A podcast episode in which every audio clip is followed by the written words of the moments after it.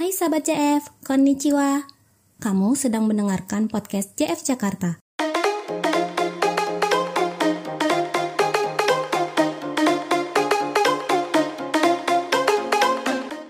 Japan Foundation atau lebih dikenal dengan JF adalah lembaga nirlaba milik pemerintah Jepang yang bergerak dalam bidang pertukaran budaya internasional. Di podcast ini, kamu akan mendengar obrolan tentang budaya Jepang dengan tema yang menarik, informatif, dan edukatif.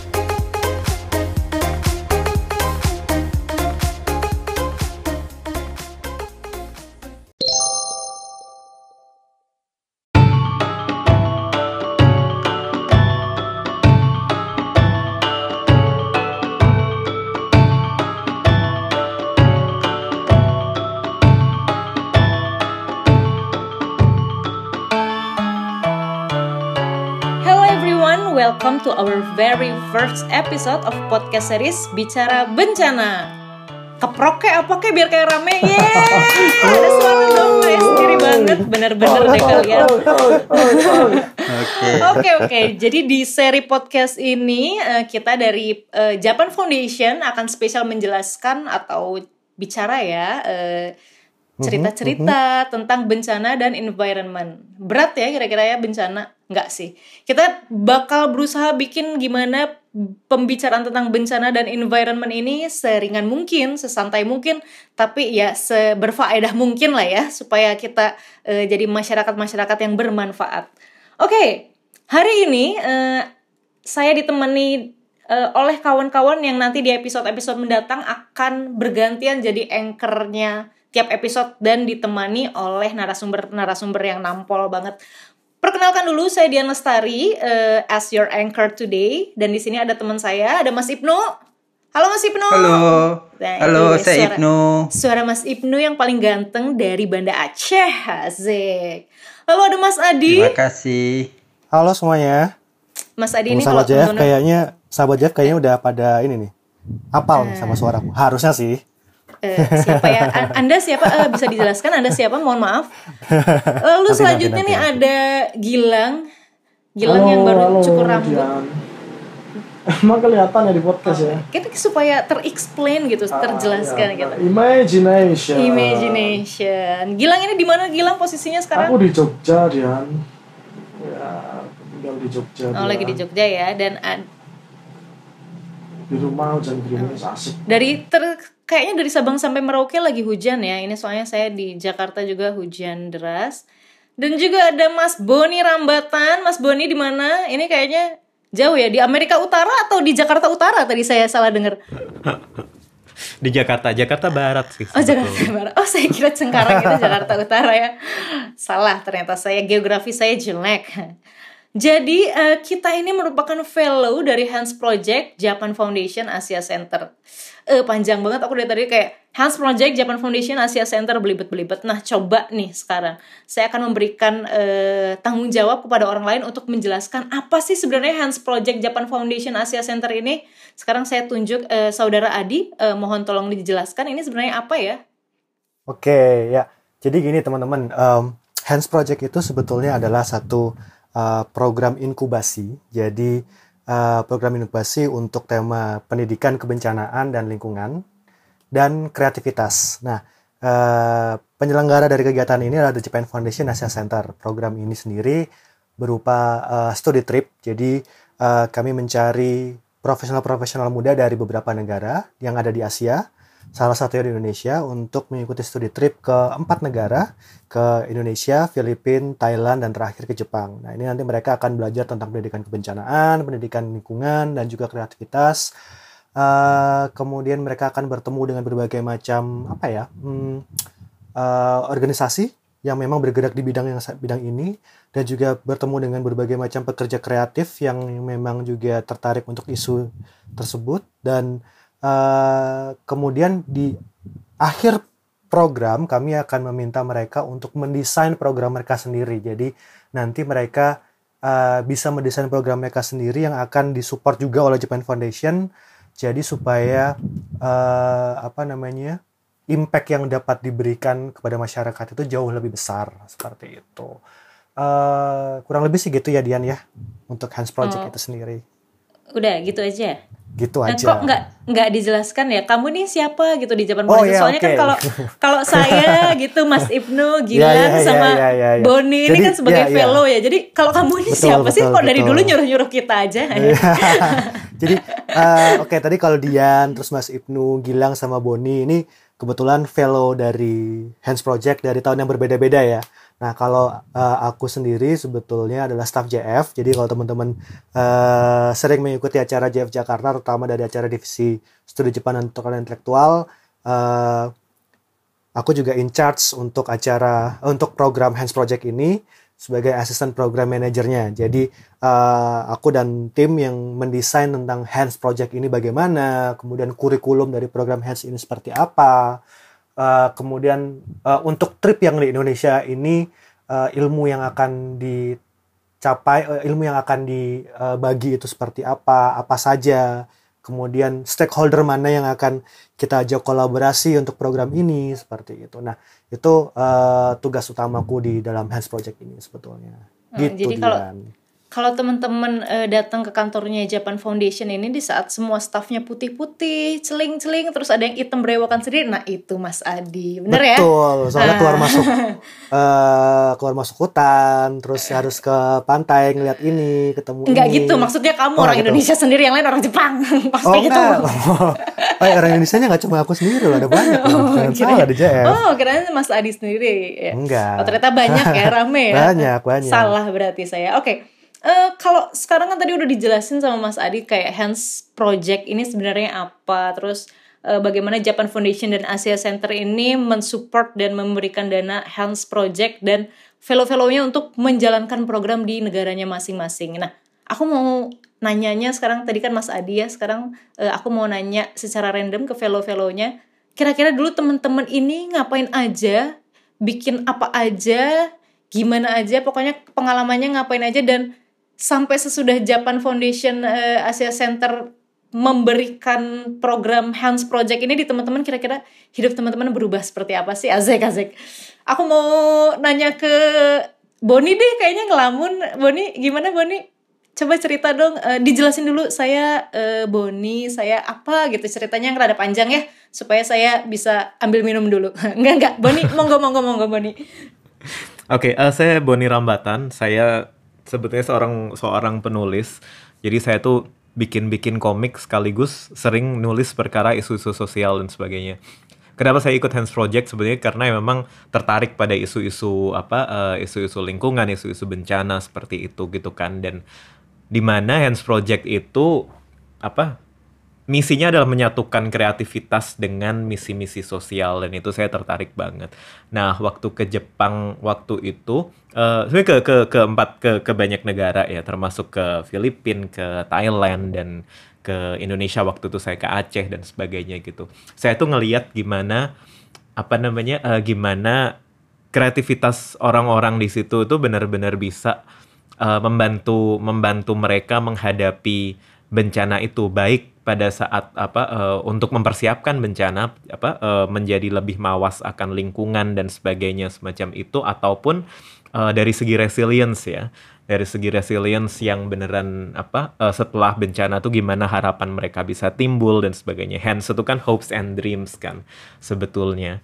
Jadi apa eh, dari situlah saya terus menjadi terinspirasi kayak gitu ya. Dulu tuh sebenarnya kayak sering nulis sering bikin komik dan sebagainya tapi kayaknya itu tulisan saya itu tulisan-tulisan ya udah kayak misalnya di Jakarta Post atau di mana gitu yang yang berat gitu. Sementara komik-komiknya ya udah bikin bikin komik apa eh, bikin komik aja gitu. Waktu itu sempat sih sebenarnya memasukkan kayak isu-isu politik dan sebagainya. Tapi setelah di Hands Project itu saya mikir kayaknya asik deh kalau misalnya ini beneran bisa menyatukan apa kedua misinya itu gitu. Jadi eh, setelah dari Hands Project sebetulnya saya sih bareng salah satu fellow lainnya eh, Naomi itu kami membuat semacam perusahaan kecil semacam startup gitu ya yang pengen memang misinya tuh menyatukan kreator-kreator yang punya misi yang sama. Jadi eh, teman-teman yang kira-kira punya apa eh, punya perhatian yang sama di isu-isu lingkungan isu-isu bencana termasuk juga terkait erat dengan isu-isu misalnya kayak isu-isu buruh yang lebih rentan dengan apa eh, dengan segala macam bencana yang terjadi dan sebagainya itu seperti apa kayak gitu. Jadinya eh, memang apa ya tadi tadi sempat disempet disebut gimana sih udah apa uh, setelah hands itu berubah seperti apa ya berubah banget karena itu jadi apa uh, visi saya untuk membangun dan ngumpulin teman-teman yang yang se, yang serupa dan gimana komik-komik semacam itu bisa diterbitin sehingga apa cerita-cerita yang beredar yang yang dibaca di apa dibaca oleh teman-teman yang dibaca oleh apa uh, anak-anak remaja apa anak-anak SMA remaja kita dan sebagainya gitu-gitu lebih mengandung muatan-muatan yang yang apa uh, membuat mereka mawas akan isu-isu semacam ini gitu sih. Luar Dian. biasa banget. Duh, aku jadi terinspirasi banget mendengarkan Mas Boni. Tapi aku jadi inget nih, uh, dari mendengarkan cerita Mas Boni ini aku jadi inget kalau uh, Velo-velo kita. Boni aja by the way. Oh iya, Dek Boni kalau gitu ya, uh, biar awet muda. Jadi mendengarkan cerita Dek Boni ini, kok jadi kayak eh Boni ngomongnya. Oke, okay, uh, jadi mendengarkan cerita dari Boni ini, aku jadi inget kalau uh, di di Hands Project ini, walaupun kita selalu membahas tentang isu-isu disaster dan environment, tapi yang menarik adalah kebanyakan dari fellowship Indonesia ini latar belakangnya uh, nggak buk nggak ada orang yang uh, anda kuliah apa? Saya lulusan uh, manajemen disaster. Nggak ada. Jadi ini seperti contohnya aduh ada suara kucing mengeong di sini saya soalnya rada ada di hutan sekarang.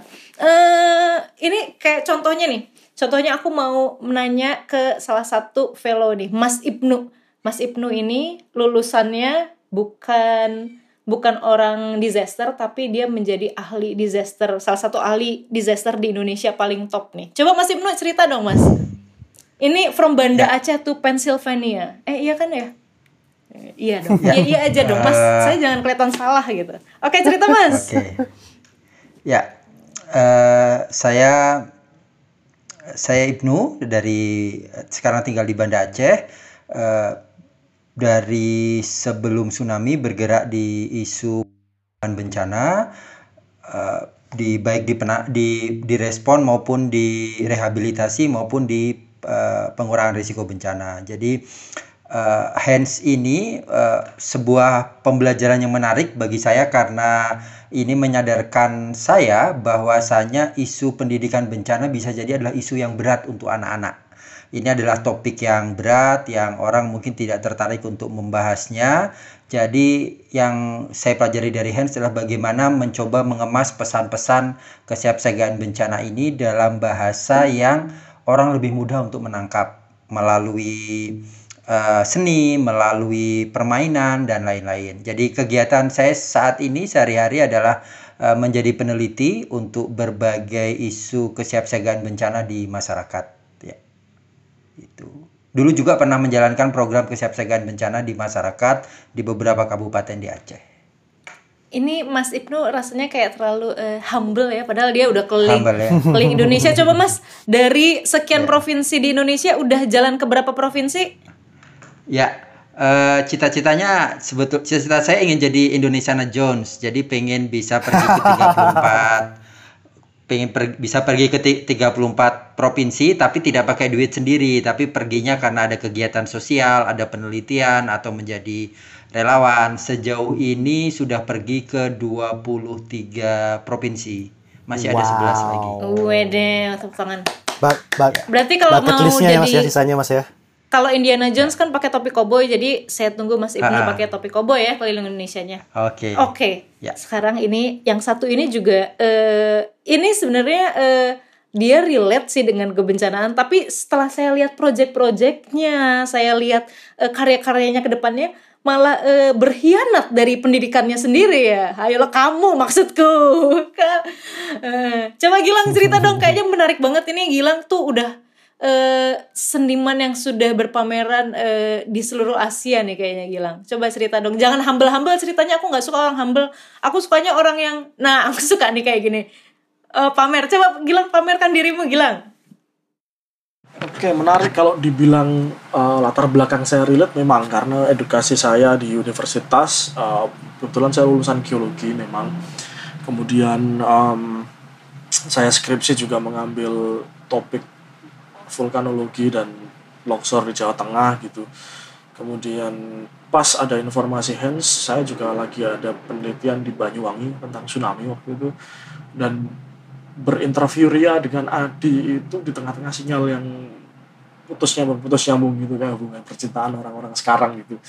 Um, tapi menarik ya akhirnya akhirnya singkat kata keterima di hands gitu. Tapi uh, selama pengamatanku di dalam kegiatan berbencana ria tadi itu ada sebuah spotlight yang aku aku uh, aku pertanyakan gitu. Kenapa kok informasi-informasi itu nggak sampai ke masyarakat yang di level bawah gitu um, simply yang pinter pinter banget tahu banget gitu. Tapi yang di bawah yang di grassroots level itu kalau nggak tahu ya nggak tahu sama sekali. Jadi ada gap informasi yang sebenarnya terjadi di dalam dunia uh, kebencanaan gitu. Nah nah kemudian lewat lewat waktu itu aku juga sudah masuk um, mulai berkegiatan kreatif gitu lewat belajar desain lewat mencoba membuat lagu-lagu gitu mengkompos uh, mengkompos lagu gitu.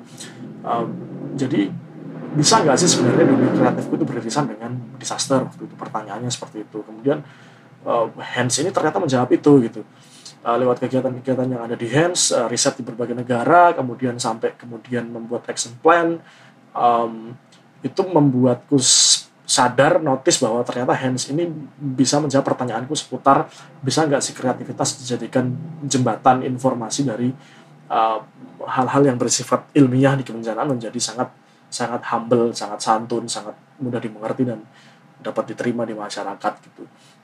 Soal pameran-pameran tadi juga itu kegiatan-kegiatan setelah hands gitu. Jadi uh, malah justru sekarang lebih, lebih banyak bekerja di uh, di di dunia kreatif ya. Artinya bagaimana kreativitas tadi saya ramu dan saya olah menjadi senjata untuk berkampanye soal uh, kebencanaan di Indonesia gitu kira-kira Dian seperti itu Dian. Asik. Mantap ya. sekali penjelasannya Mas Gilang ya. ya. Luar biasa. Boleh ya. Boleh nambah nggak? Oh boleh dong. Ya. Bayar lagi tapi enggak enggak enggak. Monggo uh, Mas Ambibno tambahin Mas. Ya. Uh, kalau buat saya uh, setelah kehidupan pasca Hens adalah di Hands belajar tentang gamifikasi, bagaimana menyampaikan pesan-pesan kesiapsiagaan bencana melalui games. Jadi dengan salah satu fellow Hands juga Eva Bahtiar itu kami melakukan beberapa kegiatan kampanye. Eh, yang pertama menyusun games-games untuk anak-anak dan memfasilitasinya di beberapa uh, daerah rawan bencana. Kami pernah ke PD Jaya yang waktu itu kena gempa, kemudian ke Mentawai, kemudian di Surabaya yang rawan di tempat komplek rawan kebakaran, kemudian juga di pernah di Siosar itu di uh, daerah Sinabung dan kemudian kemarin terakhir ke Lombok yang juga pernah terkena gempa. Jadi Hans memfasilitasi kami untuk buat saya mencapai cita-cita menjadi Indonesiana Jones. Asik. Keren banget. Kalau kalau Dian sendiri gimana? Kalau dia tadi kan udah dari Mas Ibnu, dari Gilang, dari Boni. Dian belum loh. Oh, aku harus cerita ya. Aku ya, aku padahal ya. kayak udah langsung mau tanya yang lain. Ya. Oh iya. oh iya. Ke iya iya sebentar. jadi jadi aku aku juga fellow aku mungkin angkatan hands project terakhir. iya gak sih?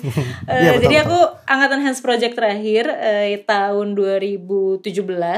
Uh, aku sendiri latar belakangnya juga jauh dari kebencanaan. Aku backgroundnya adalah desain kreatif industri dan culture policy jadi aku mungkin uh, banyak bersinggungan dengan budaya kreativitas dan lain-lain. Jadi awalnya sendiri aku ikut hands project itu adalah uh, aku sebenarnya iseng banget karena aku lagi riset di di sebuah daerah di Sumba terus gempa. Aku uh, aku waktu itu kayak cuman satu bulan di Sumba terus aku merasakan empat kali gempa di saat aku riset. Kan aku gimana ya perasaanku ya?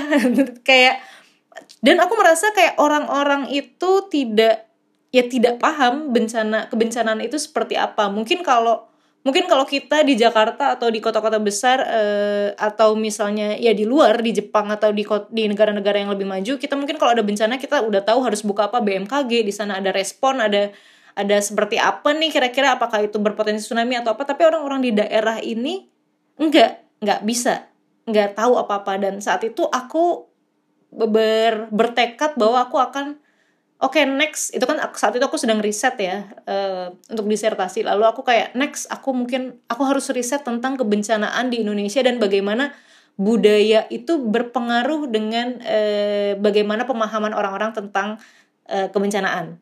Pas banget saat aku googling adalah Hands Project ini muncul. Jadi aku baca terus aku kayak mungkin tinggal sisa berapa hari lagi untuk apply dan aku yaudahlah aku apply aja gitu. Itu hoki banget dan aku inget juga eh aku inget temenku yang latar belakangnya geologi udah udah apply untuk Hands Project udah dua kali dan dia kayak kaget, "Hah, kamu kok bisa sih dengan latar belakang yang tidak mengerti apa-apa gitu ya siapa oh, teman aku kamu ini gitu. nggak nggak nggak dapat ya oh nggak dapat sudah Oke. sekian kali dia sampai kayak maaf "Lah, ya temannya Dian maaf, Maaf ya, ya, teman Dian, Dian. teman Gilang yang dengerin mohon maaf ya eh, tempat Anda Anda sebenarnya hebat tapi tergantikan oleh kita. tapi di, tapi digeser oleh orang-orang seperti kita yang mungkin Mas Adi suka menyesal kayak duh kenapa sih aku memilih orang-orang seperti ini ya tapi akhirnya eh, dari Hands Project ini pun kayak ya aku memang aku bertekad sekali bahwa budaya dan hal-hal kreatif, hal-hal inovasi dan sesuatu yang berbau art and design ini pasti bisa menyampaikan isu-isu kebencanaan, isu-isu environment dan isu-isu yang penting dan berat. Tapi ya seperti yang tadi Gilang bilang dengan medium yang menyenangkan, ceria gitu, tidak penuh ketakutan kan, tidak seperti iklan narkoba di TV gitu. Hati-hati Pak, kayak narkoba pasti mati. Nah, kalau bencana ya kan sebenarnya ada potensi mati juga, tapi kan jangan Betul, dikasih nggak gitu cara ngasih taunya. Jadi gimana nih caranya?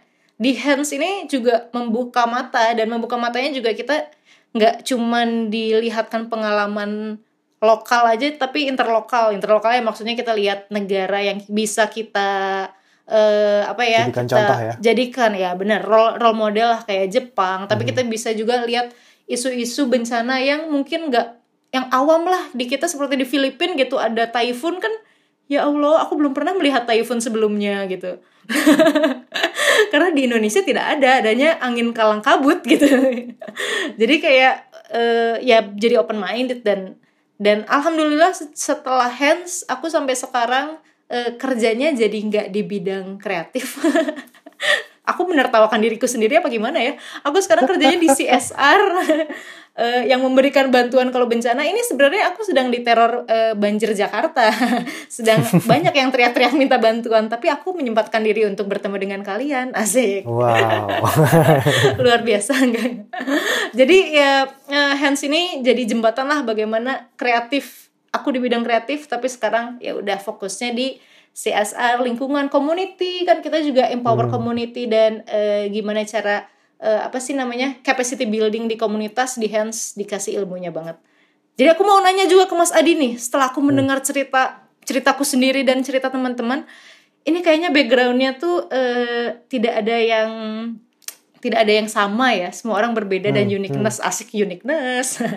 Jadi kenapa sih Mas Adi? Coba kamu kan suka menyalahkan diri sendiri nih kalau aku melakukan hal bodoh gitu di Jepang gitu kayak "Heh, mengapa sih aku memilih dirinya? gitu. Pas- tapi aku Oke, mau tanya jadi- kenapa sih alasanmu memilih kita Azik Oke, Eh, sebenarnya kenapa kenapa backgroundnya itu berbeda-beda ya? Itu eh, sebetulnya sesuai dengan sesuai dengan apa namanya eh, blueprint yang yang yang kami buat eh, untuk Hands Project ini. Jadi eh, Hands Project ini kan tagline-nya adalah eh, tagline awalnya sebenarnya eh, disaster education plus creativity atau pendidikan kebencanaan plus kreativitas. Nah, kemudian eh, di tengah di tahun mulai tahun kedua itu kami sudah bergeser jadi eh, disaster and environmental education plus creativity. Jadi pendidikan bencana dan lingkungan plus kreativitas.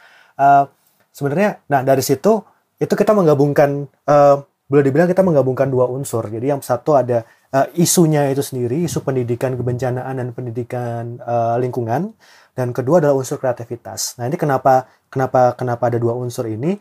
Karena eh, sebenarnya gini, ketika kita membicarakan kebencanaan eh, atau isu-isu lingkungan selalu eh, ya kita kita jujur aja deh eh, sampai saat ini di mana pun tidak banyak tidak banyak orang yang mau mendengarkan ketika kita membicarakan tentang pendidikan kebencanaan lingkungan. Karena jadi ini Itu kita berat. belum tentu ada yang dengerin ya? Harusnya ada sih harusnya ada sih. Harus Oke, ada ya? Ah, nah, nah dari situ, dah itu kan itu kan itu kan kenyataan yang harus sama-sama kita amini gitu. Jadi bahwa kenapa itu ber- kenapa itu tidak banyak orang yang mau mendengarkan? Karena berat ketika karena yang kita bicarakan tentang bencana yang kita bicarakan kerugiannya berapa, korban jiwa dan yang lain-lain. Serem gitu ya. Iya, atau juga Diteror eh, dengan ketakutan. Asik. Betul. Atau juga kadang mana hal-hal yang teknis sifatnya, yang ilmiah, terlalu ilmiah. Jadi Betul, betul, ketika bencana itu uh, gempa bumi itu berapa Richter, itu kemudian efeknya akan seperti apa, bla bla bla. Itu kan untuk teman-teman awam yang uh, masyarakat secara luas itu mungkin uh, terlalu berat untuk dipahami. Nah, di situlah diperlukan namanya kreativitas. Jadi uh, unsur yang kedua. Jadi uh, inti dari Hands Project ini adalah kita membuat program di mana uh, kita menjadi sebuah inkubas, inkubator untuk teman-teman em, apa namanya yang profesional ini, profesional muda ini untuk belajar bareng. Kemudian eh, mereka dari background yang ber, sangat berbeda tadi itu mereka bisa saling melengkapi. Gitu. Jadi teman-teman yang memang memiliki background bencana, il, apa ilmu kebencanaan atau ilmu lingkungan eh, itu bisa memberikan kontennya. Nah, kemudian teman-teman yang eh, dengan background eh, pekerja kreatif, pekerja seni, ini yang kemudian bisa menjadi eh, apa namanya bungkusnya. Jadi kalau misalnya permen jadi jadi jadi bungkus dan supaya orang tertarik untuk beli permennya, ya gitu. Jadi bisa itu eh, kontennya tadi ini bisa kemudian dibungkus menjadi sebuah musik kayak misalnya eh, Gilang lakukan atau mungkin bisa jadi sebuah komik seperti yang Boni lakukan atau games kemudian bisa disampaikan dengan uh, infografik yang menarik kayak gitu. Jadi uh, informasi yang berat, informasi yang penting. Jadi kayak misalnya apa sih yang harus kita persiapkan saat bencana itu itu kan penting itu apa kayak tas siaga bencana atau apa yang harus kita lakukan ketika bencana. Informasi-informasi tersebut itu lebih mudah dipahami ketika itu uh, bahasanya sangat mudah dan juga menarik untuk orang. Untuk untuk itu dilihat, untuk itu di dibaca, untuk itu di di apa namanya didengarkan seperti itu. Kemasannya Jadi karena dipercantik itulah- dan dipoles ya. Betul. Nah, di situlah eh, ketika proses seleksi, ya itu yang kita lihat dari teman-teman. Jadi ketika proses seleksi kita memang coba lihat, kita kita proyeksikan, oh ini eh, backgroundnya bencana nih, yang ini backgroundnya eh, musisi, yang ini eh, desainer, yang ini eh, apa namanya, eh, ada yang malah dari ada yang dancer juga, profesional dancer. Eh, Oke, ini menarik. Ini mereka sepertinya memang bisa berkolaborasi. Dia eh, apa namanya? Ada ketertarikan memang untuk isu bencana, ada ketertarikan juga untuk eh, membuat program untuk masyarakat secara luas. Nah, dari situ baru kita invite, kita ajak untuk bergabung di Hands Project ini. Gitu sih, Ian. Luar biasa. Jadi sebenarnya kita terproyeksikan akan menyukseskan Hands Project ya. Betul, terproyeksinya. betul. Tapi nggak tahu kalau kalau saya gimana nih Mas? oh, so far sih dong. oke, Saya so far sih oh, oke. nggak mengecewakan lah ya. Masih Nggak, bisa ya, ya. dikasih nilai B, B Ya, plus masih lah. ya, B plus masih ya B plus kurang dikit lah. Karena oke deh. Nah. Eh, saya perbaiki lah dari episode-episode podcast Silakan. mendatang. Tolong Semoga saya lebih ya. baik lagi ya, Ya. Mas ya.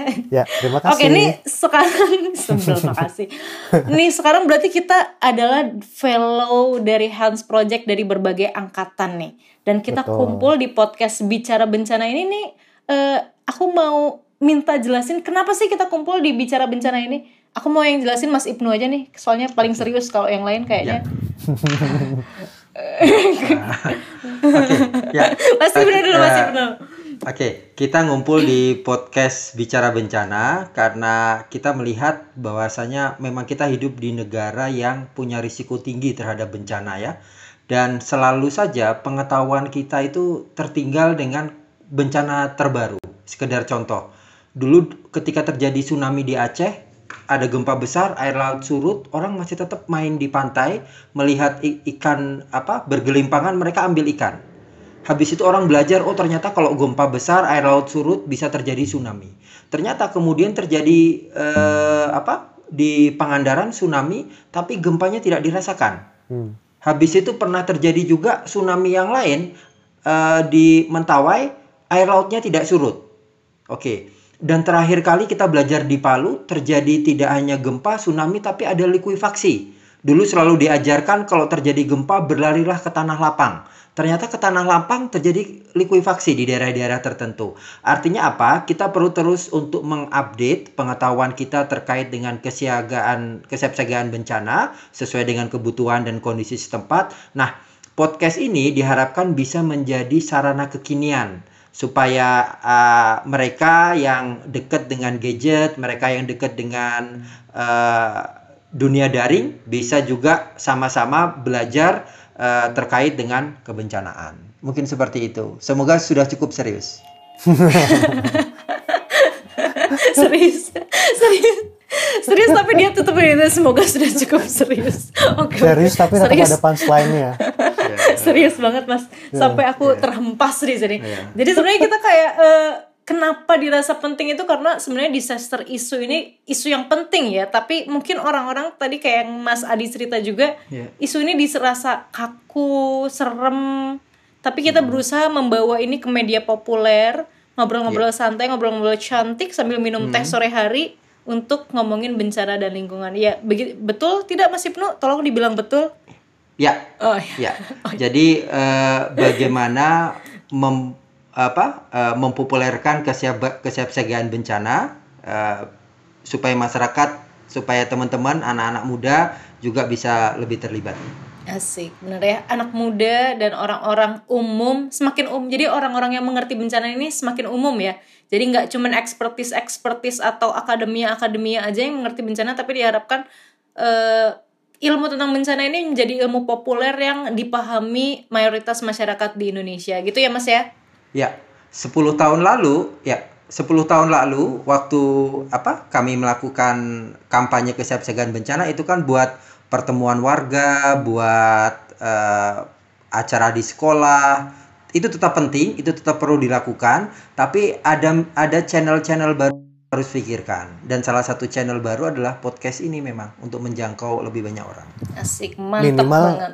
Minimal gini Dian, minimal itu sebetulnya uh, supaya ketika bencana terjadi, itu kita tahu apa yang harus kita lakukan.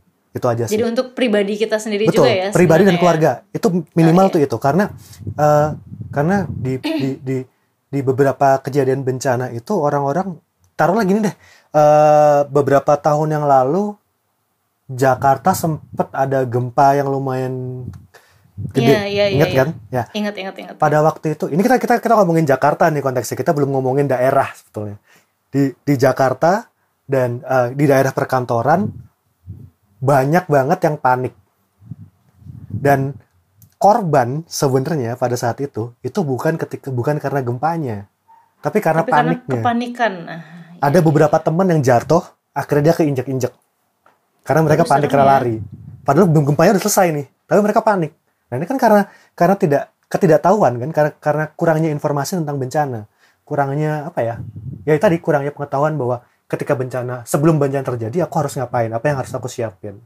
Ketika bencana terjadi apa yang aku harus lakukan? Bencana A aku harus bagaimana? Gempa bumi harus bagaimana? Tsunami harus bagaimana? Typhoon seperti apa? Kemudian setelah bencana terjadi aku harus ngapain sih? Kayak gitu. Itu yang itu yang belum ada. Maksudnya itu yang belum belum belum belum dimengerti oleh kebanyakan orang terutama di Indonesia. Nah itu yang berusaha kita sampaikan lewat podcast ini kayak gitu jadi uh, kenapa podcast juga Ya karena podcast lagi populer ya kan di Indonesia. Jadi harapannya sih banyak yang ngedengerin dan kalau podcast kan orang bisa dengerin kapan aja intinya kan gitu. Gilang dan Boni ada yang mau ditambahkan tadi bener banget Mas Ibnu dan Mas Adi nih. Eh ngelamun. Apa? Enggak sih. Ya, ya emang emang gitu aja. Jadi coba Mas Gilang gimana? Oke, kalau sudut pandangku sebenarnya uh, cukup menarik ya ngobrolin tentang informasi kebencanaan karena uh, sepengamatanku sebenarnya informasi itu beredar, memang beredar gitu. Apalagi momentumnya adalah ketika tsunami Aceh 2004 itu adalah momentum untuk memperbaiki dan berberes-beres ria gitu soal bagaimana komunikasi bencana, bagaimana edukasi bencana dan bagaimana literasi bencana dalam masyarakat gitu. Um, uh, dan orang-orang seperti Mas Ibnu ini sebenarnya udah banyak sekali dari tahun 2004 itu dari tahun 2006 yang mencoba mengkampanyekan edukasi bencana. Masalahnya adalah skupnya sangat terbatas gitu. Jadi orang-orang yang ada prioritas orang-orang yang sebenarnya ada di level bahaya yang dapat yang nggak bahaya nggak dapat gitu. Masalahnya kan sekarang hampir semua daerah di Indonesia ini uh, rawan bencana gitu loh. Artinya lewat-lewat media populer seperti podcast ini eksposurnya bisa di bisa ditambah gitu. Nggak lagi menjadi inklusif tapi menjadi nggak nggak lagi menjadi uh, inklusif tapi menjadi hak untuk semua orang untuk tahu gitu. Dan hence lewat action plan-nya pun melakukan hal yang sama gitu. Dengan membuat proyek-proyek di berbagai tempat di berbagai negara dan wilayah um, membuat exposure itu semakin nyata semakin besar dan di, di, di, bisa diakses oleh semua orang gitu. Karena uh, informasi bencana adalah hak semua orang bahkan hak orang yang nggak mau tahu gitu loh. Jadi artinya orang yang nggak mau tahu pun itu akan nanti terpaksa tahu gitu loh. Pada akhirnya mau nggak mau, jadi, tahu kan? terpaksa untuk tahu yeah. dipaksa untuk tahu. dan, dan dan dan sadar untuk bagaimana berbuat dan bertindak gitu.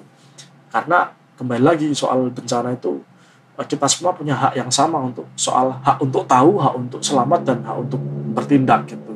Jadi uh, baik untuk melakukan kegiatan atau proyek-proyek seperti media populer sekarang seperti podcast ini untuk menambah exposure itu. Kira-kira begitu deh Dian betul. Sebenarnya alasan kenapa kita bikin podcast gitu bukan YouTube karena mungkin secara visual juga kita kurang enak dilihat ya. Jadi kenapa podcast aja? Eh. kan kalau podcast bisa nggak mandi kalau YouTube kan kayak harus dendong dulu cin yeah, yeah, yeah. nggak sih nggak sih uh, Mas Adi ini paling enak dilihat kok enak hmm? serius banget enak banget ya. nanti next Pake. mungkin next uh, next uh, programnya Japan Foundation ini kita akan bikin uh, YouTube ya mungkin kita akan bikin uh, talk show ya Enggak, enggak. Bisa, bisa. Terus sekarang bisa. selesai selesaikan podcast kita dulu ini ya. Oke, okay, kalau misalnya mau pakai YouTube juga udah bisa kok. Jeff kan udah ada YouTube channelnya sendiri. Uh, kita muka juga saya udah ada bisa, acara live-nya. Oke. Okay, okay. uh, uh, mohon maaf muka saya nggak bisa saya nggak bisa disuruh mendadak disuruh mandi gitu nggak bisa saya susah. Jadi podcast aja. Oke, aku mau nanya nih pertanyaan selanjutnya. Kira-kira kan kita tadi udah bahas nih podcast bicara bencana ini kenapa penting banget, kenapa harus ada, wajib banget ada di dunia persilatan Indonesia ini harus ada. Kira-kira episode ke depan-depannya nih ada apa aja sih memang yang penting-pentingnya? Coba Mas Gilang dan Mas Boni boleh menjelaskan nih. Um, ya oke okay. uh, ke depan di podcast ini kan lebih sering ngobrolin tentang nggak akan nggak akan cuman ngobrolin soal bencana sebagai barangnya ya. artinya gunung api tsunami tanah longsor. Uh, of course itu barangnya tapi di podcast ini akan lebih ke yang um, yang yang way more detail tentang gitu. Um, misalnya contohnya adalah apa sih yang terjadi di Indonesia sekarang tentang literasi bencana gitu, tentang gap informasi bencana gitu. Bahwa orang yang tahu bisa jadi sangat tahu tapi orang yang nggak tahu benar-benar nggak tahu gitu. So, lewat podcast ini kita mencoba mengupas apa sih yang terjadi di situ gitu, bagaimana sebenarnya kondisi literasi bencana di Indonesia, bagaimana strategi pengkomunikasiannya, bagaimana strategi kampanyenya. Kebetulan ada narasumber yang oke okay, dengan nanti Mas Ahmad Arif dari Kompas gitu. Dia sudah dikenal cukup lama, giat di kegiatan literasi bencana lewat ekspedisi cincin apinya, lewat uh, berbagai tulisannya dan dan juga sekarang dia lagi aktif di uh, berkampanye soal COVID-19 gitu. Dan juga soal Merapi misalnya Gunung Merapi kan sedang lebih aktif dari biasanya sekarang. Jadi masa teman-teman nggak pengen ngerti sih bagaimana teman-teman di Merapi sana hidup dengan segala keadaan yang terjadi sekarang dengan segala konteks ilmu pengetahuan dan konteks-konteks kelokalannya di sana gitu.